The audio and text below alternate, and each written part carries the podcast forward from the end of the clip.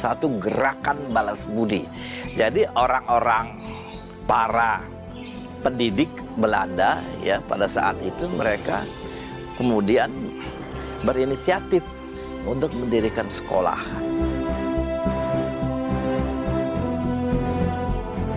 Kemudian menjadi semboyan Kementerian Pendidikan dan Kebudayaan Engarso Sung Tulodo Mangun Karso Tut Wuri Handayani.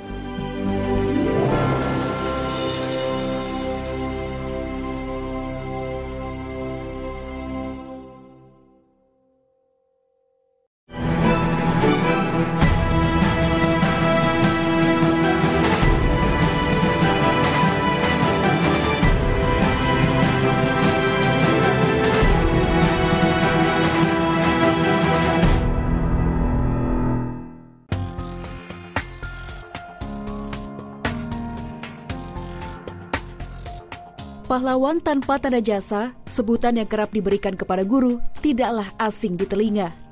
Guru merupakan profesi penting dalam upaya memajukan peradaban manusia melalui pendidikan. 25 November diperingati sebagai Hari Guru Nasional. Hal tersebut berdasarkan penyelenggaraan Kongres Guru Indonesia tanggal 24 hingga 25 November 1945 di Surakarta. Menilik sejarah perjuangan bangsa, para guru berjuang membebaskan rakyat Indonesia dari kebodohan di tengah segala keterbatasan dan belenggu penjajahan. Organisasi Perjuangan Guru Pribumi telah terbentuk pada tahun 1912 saat masih era kolonial Belanda dengan nama Persatuan Guru Hindia Belanda atau PGHB.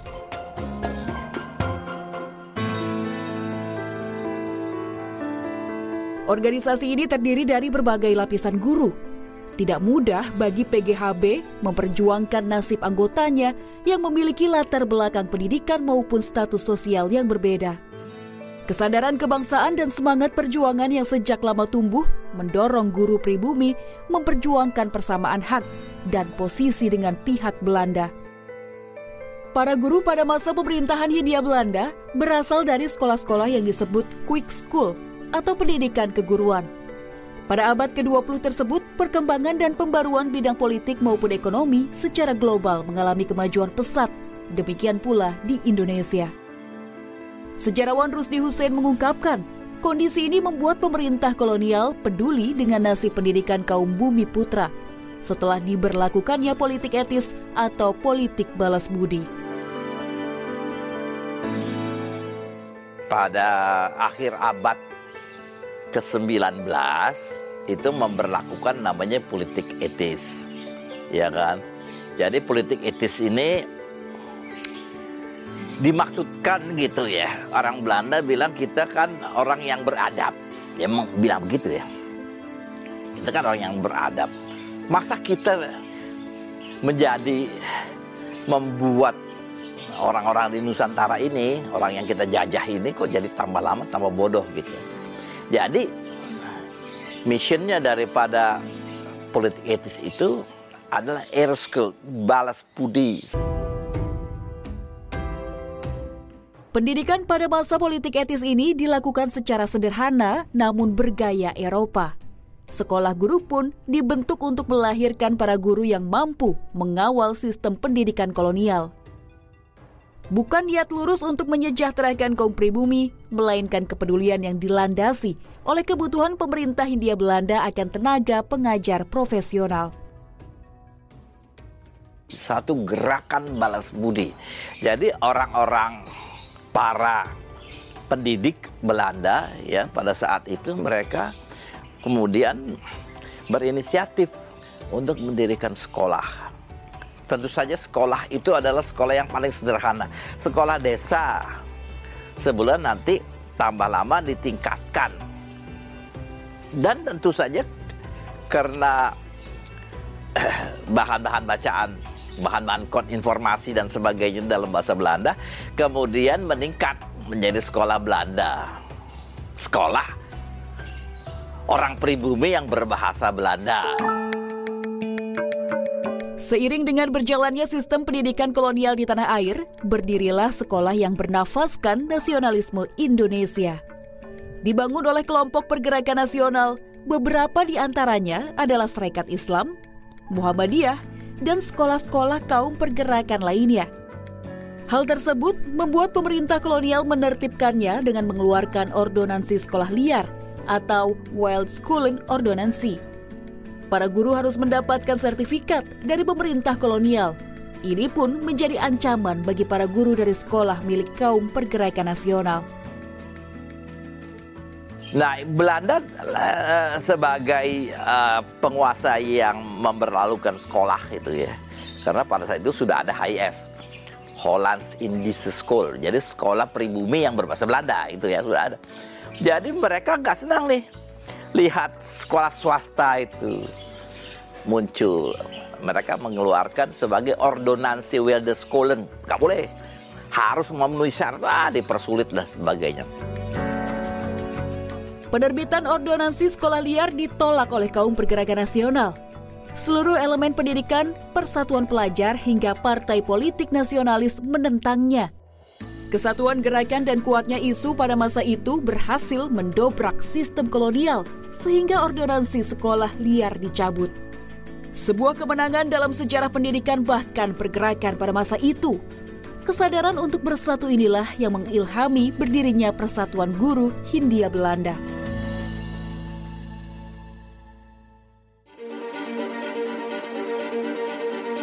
Tahun 1932, nama Persatuan Guru Hindia Belanda diubah menjadi Persatuan Guru Indonesia atau PGI. Perubahan tersebut mengejutkan pemerintah Belanda karena mencantumkan hal yang tidak disenangi, yaitu menggunakan kata Indonesia yang mencerminkan semangat kebangsaan. Namun sebaliknya, kata Indonesia ini sangat diinginkan oleh guru dan bangsa Indonesia kala itu. Unifah Rosyidi, Ketua Umum PGRI menceritakan bahwa para guru Indonesia kala itu sudah sangat visioner, menciptakan suatu wadah organisasi sebagai perekat persatuan dan kesatuan. Tahun 1909, uh, katakanlah 1932, ini anunya aja singkatnya aja. Ini para guru ini dari berbagai kelompok, ada kelompok agama, ada kelompok uh, tingkatan gitu kan. Uh, tingkatan sekolah dasar sekolah menengah ada pribumi ada ada berbagai macam kelompok itu. Mereka berpikir kalau tidak kita bersatu dalam satu kesatuan yang kuat maka tujuan perjuangan itu akan kandas. Pergerakan kelompok guru mulai menemukan titik cerah pasca kolonialisme Belanda. Lantas, Bagaimana perjuangan para guru bangsa terlepas dari belenggu penjajahan seutuhnya?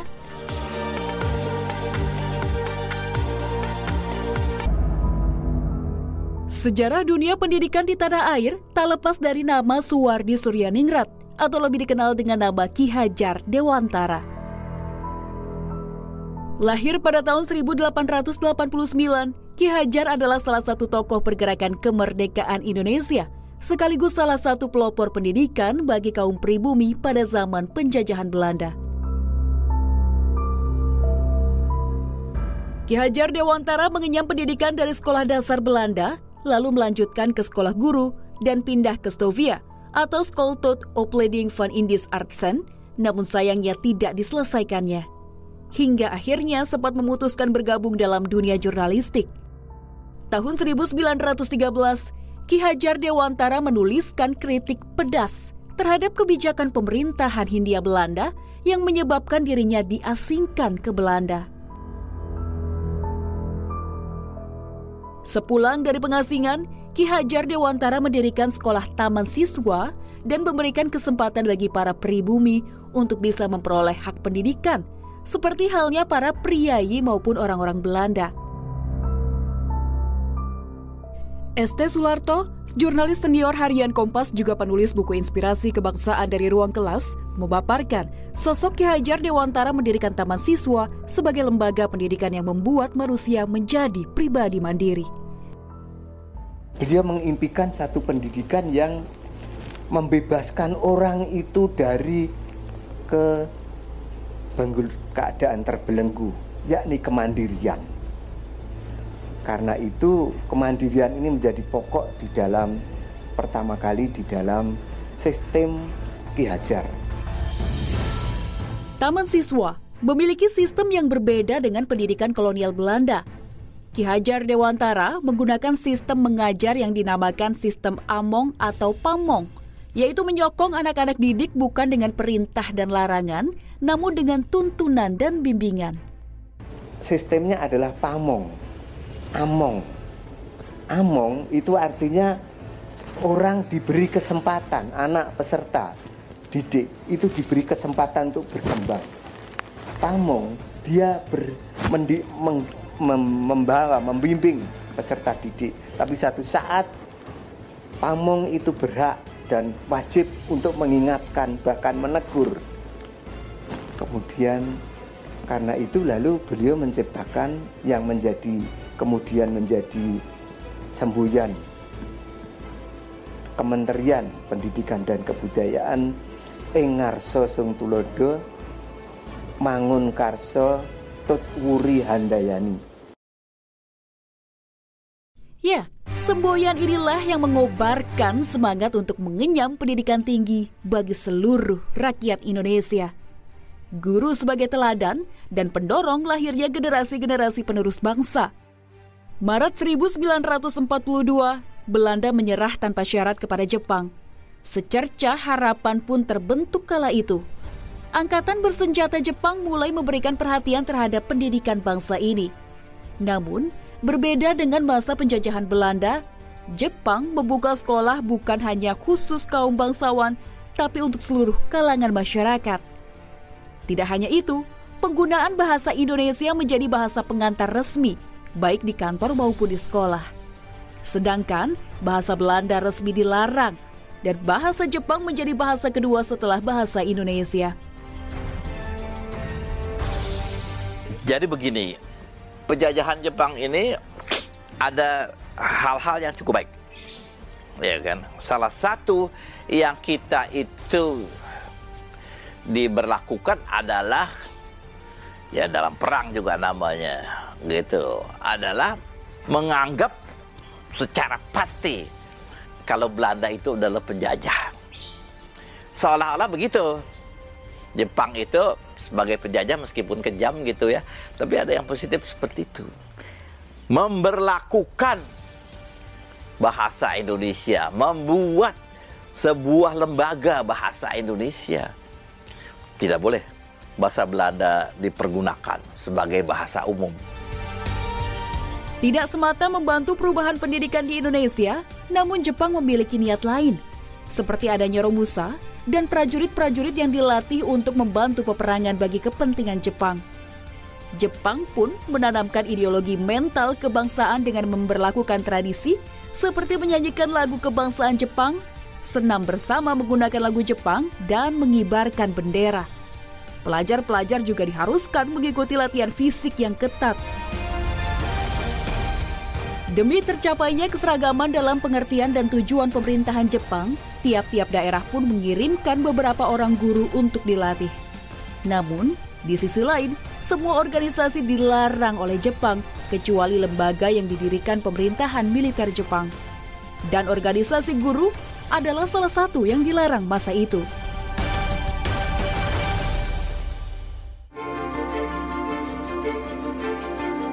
Setelah Indonesia merdeka di tahun 1945, organisasi guru terus bergerak, berjuang untuk sistem pendidikan terbaik bagi generasi penerus bangsa. Namun, bagaimana perjuangan organisasi tersebut hingga saat ini?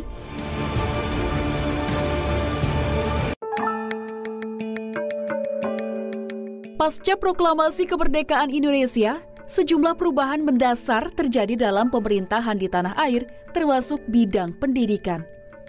Para guru kembali disatukan dalam Persatuan Guru Republik Indonesia atau PGRI. Begitupun semangat proklamasi turut menjiwai penyelenggaraan Kongres Guru Indonesia pada tanggal 24 hingga 25 November 1945 di Surakarta. Melalui kongres tersebut, organisasi maupun kelompok guru yang berlandaskan perbedaan tamatan, status, daerah, agama, dan suku sepakat dihapuskan. Tentunya kita semua tahu bahwa ada peristiwa luar biasa dalam sejarah kemerdekaan Indonesia. Peristiwa yang kini diperingati sebagai Hari Pahlawan, yaitu Pertempuran Surabaya. Sebelum menceritakan bagaimana pertempuran itu berlangsung, terlebih dahulu admin akan menjelaskan insiden apa saja yang terjadi sampai akhirnya memicu pertempuran tersebut. Seperti kita ketahui bersama, sebelum kemerdekaan, di tanggal 1 Maret 1942, tentara Jepang mendarat di Indonesia. Mereka kemudian menyerang dan memaksa Belanda untuk menyerahkan Pulau Jawa kepada mereka. Usaha tersebut akhirnya terjawab dengan perjanjian Kalijati, yaitu Belanda menyerahkan kekuasaannya di Jawa kepada pemerintah Jepang. Namun hanya tiga tahun setelahnya, Jepang kemudian harus menyerah kepada sekutu, dan peristiwa inilah yang kemudian dimanfaatkan oleh Indonesia untuk memproklamasikan kemerdekaan. Setelah proklamasi, pemerintah Indonesia kemudian gencar menanamkan nilai kebangsaan dan apa sebenarnya makna dari merdeka. Pemerintah juga terus memberikan sosialisasi bahwa bendera merah putih adalah bendera kebangsaan Indonesia. Sehingga masyarakat yang begitu antusias, banyak sekali yang mengibarkan bendera merah putih di berbagai tempat, khususnya di kota-kota besar, yang salah satunya adalah Surabaya. Di saat itu pula, gencar dilakukan pelucutan senjata yang dimiliki oleh tentara Jepang. Sehingga banyak sekali gesekan-gesekan di berbagai tempat. Dan kekacauan ini semakin diperparah dengan kedatangan tentara Inggris ke Indonesia. Di tanggal 15 September 1945, tentara Inggris datang dan kemudian bergabung dengan AFNI, yaitu Allied Force Netherlands East Indies. Dan mereka mengaku hal ini atas keputusan dan juga atas nama blok sekutu Pasukan ini dipimpin oleh Brigadir Jenderal Malabi. Mereka awalnya datang dengan berdalih bahwa kedatangannya adalah menjaga stabilitas. Mereka juga akan melucuti tentara Jepang, serta memulangkan mereka kembali ke negaranya. Namun sebenarnya bukan ini maksud dari mereka. Mereka sebenarnya ingin mengambil alih kekuasaan untuk kemudian mengembalikannya di bawah administrasi pemerintah Belanda. Netherlands Indies Civil Administration atau yang bisa disebut dengan NICA ternyata ikut membonceng bersama dengan rombongan tentara Inggris dengan maksud dari kekuasaan tersebut. Tentu saja, hal ini memunculkan perlawanan. Masyarakat apalagi para pejuang, mereka semua menolak karena beranggapan bahwa Indonesia sudah memiliki pemerintahan yang sah. Pemerintah Inggris dan Belanda rupanya benar-benar tidak ingin mengakui kemerdekaan. Di tanggal 18 September 1945, tepat adalah pukul 21.00, Blokman beserta dengan kelompoknya. Mereka mengibarkan bendera Belanda di atas Hotel Yamato. Bendera tersebut terdiri dari tiga warna, yaitu merah, putih, dan juga biru. Mereka mengibarkan tanpa izin dari pemerintah Indonesia terlebih dahulu. Ketika keesokan harinya para pemuda Surabaya melihatnya, mereka sangat marah karena Belanda dianggap menghina kedaulatan. Bagaimana tidak? Gerakan untuk mengibarkan bendera merah putih masih santer namun mereka dengan lancang justru menancapkan bendera negara lain. Dan langsung saja di hari itu, Residen Sudirman, para pejuang, dan juga para diplomat, mereka datang ke Hotel Yamato. Dan kemudian mereka masuk dengan dipimpin oleh Sidik dan Haryono. Begitu juga dengan kerumunan massa, sebagian pemuda itu masuk dengan penuh amarah. Akhirnya, Sidik dan Haryono berunding dengan Plukman dan juga beberapa orang Belanda lainnya. Dalam perundingan tersebut, Plukman dengan keras menolak untuk menurunkan bendera. Mereka pun menolak untuk mengakui kedaulatan Indonesia. Perundingan pun semakin panas, dan para perwakilan dari Indonesia pun semakin naik pitam. Dan puncaknya adalah ketika Plukman mengancam dengan mengeluarkan sebuah pistol. Sontak langsung terjadi perkelahian. Sidik kemudian memegang leher Plukman dan langsung mencekiknya hingga tewas di tempat itu. Para penjaga yang mendengar tembakan yang sempat dikeluarkan oleh Plukman, mereka kemudian langsung masuk ke dalam ruangan dan langsung menembak ke arah Sidik. Sidik pun akhirnya gugur di tempat itu. Sementara di luar gedung, masa yang datang semakin banyak. Kalimat merdeka dan juga takbir terdengar di antara mereka. Dan ketika tahu bahwa terjadi kekacauan di dalam hotel, mereka langsung merangsek masuk dan naik ke atas gedung. Warga yang berhasil naik, mereka langsung merobek warna biru dari bendera itu, sehingga hanya menyisakan warna merah dan juga putih. Bendera itu kemudian ditegakkan kembali dan kemudian mereka berteriak dengan seruan merdeka. Inilah awal dari perselisihan antara Indonesia dan juga Belanda atau Inggris. Kekacauan-kekacauan lain kemudian menyusul seiring dengan waktu. Sehingga pada tanggal 29 Oktober, Indonesia dan juga Inggris akhirnya sepakat untuk melakukan gencatan senjata. Namun baru berselang satu hari, di tanggal 30 Oktober 1945, terjadi bentrokan senjata di Jembatan Merah. Dan rupanya, dalam rombongan tersebut terdapat Jenderal Malabi. Bentrokan diawali dengan 20 pasukan India melepas tembakan. Dikatakan bahwa mereka terputus kontak dengan grup lain dan tidak mengetahui bahwa sedang berlangsung genjatan senjata. Sontak para pemuda Indonesia langsung mengambil posisi dan juga balas menembak. Hingga akhirnya seorang pemuda Indonesia menembakkan pistolnya ke arah Jenderal Malabi. Belum sampai di situ, mobil yang ditumpangi pun meledak. Yang sepertinya ledakan itu berasal dari sebuah granat. Dan atas peristiwa ini, pihak Inggris begitu marah dan kemudian langsung mengeluarkan ultimatum yang dikenal sebagai ultimatum 10 November 1945. Dalam ultimatum tersebut, pihak Indonesia diminta untuk menyerahkan senjata. Indonesia juga diminta untuk tidak melakukan perlawanan terhadap Inggris. Jenderal Malabi yang sudah tewas akhirnya diganti oleh Mayor Erik. Mayor Erik pun diperintahkan untuk menyerang jika seandainya warga Indonesia melawan. Inggris kemudian memberi ultimatum dengan menggunakan pamflet yang disebar lewat udara. Dan mendapati ultimatum tersebut, para pemuda justru semakin bernyali. Mereka semua turun ke jalan, memadati pojok-pojok kota dengan senjata ala kader. Namun banyak juga dari mereka yang membawa senjata api otomatis. Bahkan ada dari mereka yang membawa granat. Seolah mereka sudah siap menyambut pertempuran. Dan karena pada saat itu gerakan mereka masih belum terkoordinasi, maka mereka memutuskan untuk mengangkat Sungkono sebagai komandan pertahanan Surabaya. Mereka juga mengangkat Surahman sebagai komandan pertempuran. Dan sebenarnya selain dari itu, pemerintah juga sudah membentuk TKR, yaitu Tentara Keamanan Rakyat. Dari sini akhirnya muncul semboyan yang banyak diteriakan oleh para pejuang kala itu, yaitu merdeka atau mati. Mereka juga menulis Sumpah Pejuang Surabaya, yang akhirnya semakin membulatkan tekad mereka. Rupanya, gerakan perjuangan yang meneriakkan merdeka atau mati semakin menggema di pelosok negeri sehingga para kiai dari berbagai penjuru juga turut membantu. Mereka menggerakkan masa lewat resolusi jihad. Resolusi jihad itu digagas oleh Hadratus Syekh Kiai Hasim Asari dari pesantren Tebu Ireng. Beserta dengan Kiai Asari dan juga Kiai Tunggul Wulung dari Yogyakarta, Kiai Abbas dari pesantren Buntet Cirebon, dan Kiai Mustafa Kamil dari Partai Syarikat Islam. Mereka semua turut membantu pertempuran Surabaya, serta masih banyak lagi para ulama lain. Mereka lah yang akhirnya menggerakkan gelombang santri untuk kemudian turun dalam pertempuran. Dan tidak hanya santri, warga juga banyak dengan sukarela mereka pergi ke Surabaya untuk bergabung dalam perang besar itu. Semangat mereka semakin berkobar ketika mereka mendengarkan pidato dari Bung Tomo. Pidato itu disampaikan lewat sebuah siaran radio. Namun semua itu tidak membuat Inggris mundur. Mereka juga ternyata semakin mempersiapkan pertempuran dengan matang. Berbagai peralatan sudah mereka siapkan yang tentunya jauh lebih canggih. Apalagi mereka didukung dengan bantuan pengeboman laut udara. Mayor Erik memperkirakan bahwa mereka akan menaklukkan Surabaya hanya dalam waktu tiga hari. Ia begitu optimis karena peralatan perang yang jauh lebih memadai. Dan akhirnya di tanggal 10 November 1945, Inggris pun mulai melancarkan serangan udara. Mereka mengebom dengan liar ke seluruh penjuru kota dan setelah kota mulai hangus terbakar, mereka pun mulai menurunkan tank-tank area pertempuran untuk berhadapan langsung dengan para pejuang. Di sinilah Inggris mulai melihat bahwa ternyata tank dan pesawat tidak bisa melunturkan semangat juang.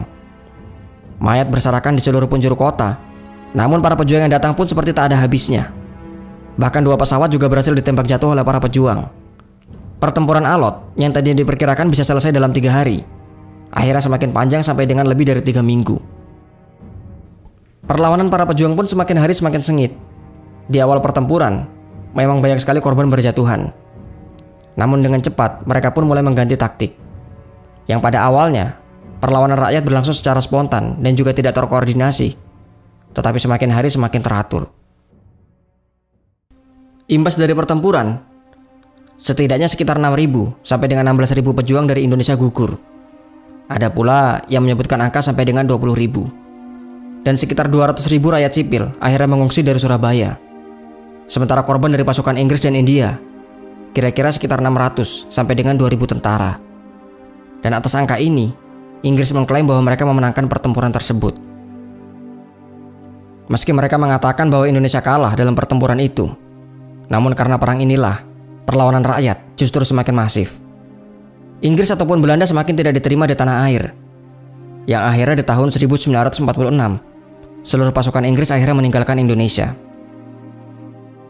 Pengakuan dari veteran Inggris yang menjadi saksi dari peristiwa tersebut, yaitu Lord Kailon, bahkan menumpahkan rasa gemetarnya di buku hariannya yang tertanggal 15 November 1945. Ia menulis, Jalan bijak yang harus kita ambil, yang harus Inggris ambil, adalah meninggalkan tempat itu secepat mungkin. Kita harus keluar secepatnya. Tulisnya dalam buku harian itu. Begitu dahsyat pertempuran Surabaya, pemerintah pun akhirnya menetapkan bahwa di tanggal 10 November diperingati sebagai Hari Pahlawan.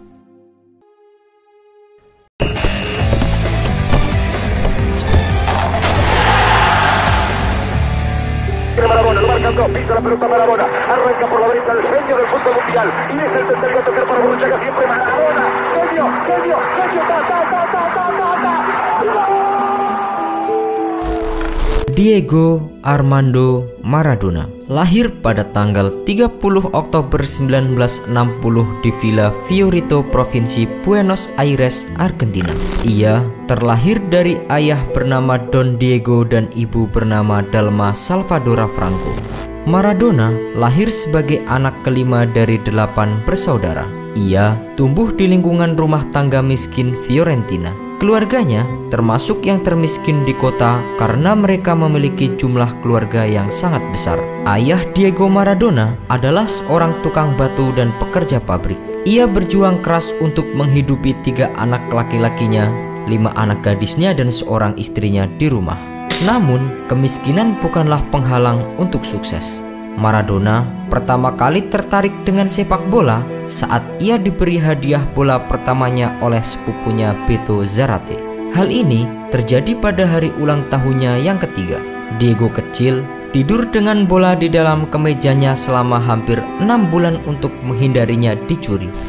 Bola ini kadang disita oleh ibunya yang ingin ia berkonsentrasi pada studi di bidang lain supaya ia bisa menjadi akuntan profesional. Tidak banyak waktu sebelum akhirnya ia menyadari bahwa sepak bola adalah panggilannya.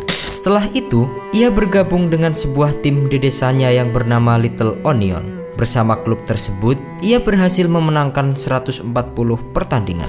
Aksi dribbling yang sangat baik, asis kuat, umpan akurat, dan gerak kaki yang mengesankan membuat Diego Maradona mulai dikenal dalam waktu singkat selama masa kecilnya. Keterampilannya dihargai oleh penonton yang tercengang saat melihat anak kecil melewati banyak anak yang lebih tinggi dengan sangat mudah. Bersama dengan Little Onion, kemampuan Maradona terus meningkat. Pada usia 12 tahun, ia terpilih untuk bermain bersama dengan Los Cebollitas. Keterampilannya terus diapresiasi oleh penonton. Maradona berhasil memimpin Los Cebollitas menang beruntun sebanyak 136 pertandingan tanpa terkalahkan. Pada usia 15 tahun, ia mendapat kesempatan untuk melakukan debut profesionalnya dengan Argentinos Junior. Bersama dengan Argentinos Junior, ia berhasil mencetak sebanyak 115 gol dari 167 pertandingan. Bakatnya tercium sampai ke Inggris saat klub Sheffield United mencoba mentransfernya seharga 180.000 pound sterling. Proposal itu kemudian ditolak oleh Argentinos Junior. Satu tahun kemudian, ia melakukan debut internasional bersama dengan timnas Argentina. Pada tahun 1981, ia dibeli oleh klub Boca Junior seharga 1 juta pound sterling di mana ia menjadi juara liga untuk pertama kalinya. Bermain selama satu musim di sana, Maradona kemudian ditransfer ke Barcelona dengan harga 5 juta pound sterling atau setara dengan 92 miliar rupiah yang merupakan rekor dunia pada saat itu. Sayang, karir Maradona di Barcelona mengalami beberapa kendala. Pertama adalah ketika Maradona divonis mengidap penyakit hepatitis. Kemudian, Maradona mengalami cedera ankle yang parah akibat tackle keras oleh pemain Atletik Bilbao. Selain itu, ia juga kerap bersitegang dengan presiden klub Josep Luis Nunes. Maradona kemudian ditransfer ke Napoli pada tahun 1984. Di sana, ia berhasil mencapai puncak karirnya dalam sepak bola. Maradona berhasil membawa tim tersebut menjadi juara Serie A untuk pertama kalinya dalam sejarah Napoli. Namun, di balik kehebatannya tersebut, justru di Italia Maradona semakin terpuruk dalam dunia hitam. Kebiasaannya mengonsumsi kokain semakin memburuk dan berkali-kali didenda oleh klubnya karena tidak tampil dalam latihan maupun pertandingan dengan alasan stres. Karirnya kemudian menurun setelah itu. Ia terbukti menggunakan doping pada tahun 1991 dan dilarang bermain sepak bola selama 15 bulan. Setelah bebas, ia melakukan comeback bersama dengan Sevilla namun dipecat satu tahun kemudian. Maradona kemudian kembali ke Argentina dan bermain bersama dengan Newell's Old Boys selama lima pertandingan. Namun, lagi-lagi ia dilarang bermain selama 15 bulan karena kembali diketahui menggunakan doping saat Piala Dunia 1994 berlangsung. Setelah sempat menjadi pelatih bagi Deportivo Mandiu pada tahun 1994 dan Racing Club pada tahun 1995, ia mencoba melanjutkan karirnya bersama dengan Boca Junior antara tahun 1995 dan 1997. Setelah itu, Maradona akhirnya memutuskan untuk pensiun pada tanggal 30 Oktober 1997. Maradona melakukan debutnya dalam pentas Piala Dunia pada Piala Dunia FIFA 1982. Pertunjukan kehebatan Maradona adalah pada saat berlangsungnya Piala Dunia FIFA 1986 di Meksiko. Kala itu, ia berhasil membuat gol terbaik sepanjang masa versi FIFA. Pada saat itu, Maradona melakukan sprint sambil membawa bola dari tengah lapangan. Kemudian, ia melewati lima orang pemain Inggris dan berhasil menaklukkan kiper kenamaan Inggris Peter Shilton. Hebatnya lagi, semua itu dilakukan Maradona hanya dalam rentan waktu kurang lebih 10 detik. Sayangnya, pada partai tersebut pula, Maradona membuat gol yang sangat buruk. Gol tersebut tercipta melalui bantuan tangan yang dikatakan Maradona sebagai hasil bantuan tangan Tuhan. Ia akhirnya mengakui bahwa hal tersebut dilakukan dengan sengaja pada tanggal 22 Agustus tahun 2005. Setelah itu, Maradona masih sempat dua kali membela Argentina dalam pentas Piala Dunia, yaitu pada tahun 1990 dan 1994 sebelum akhirnya memutuskan untuk pensiun.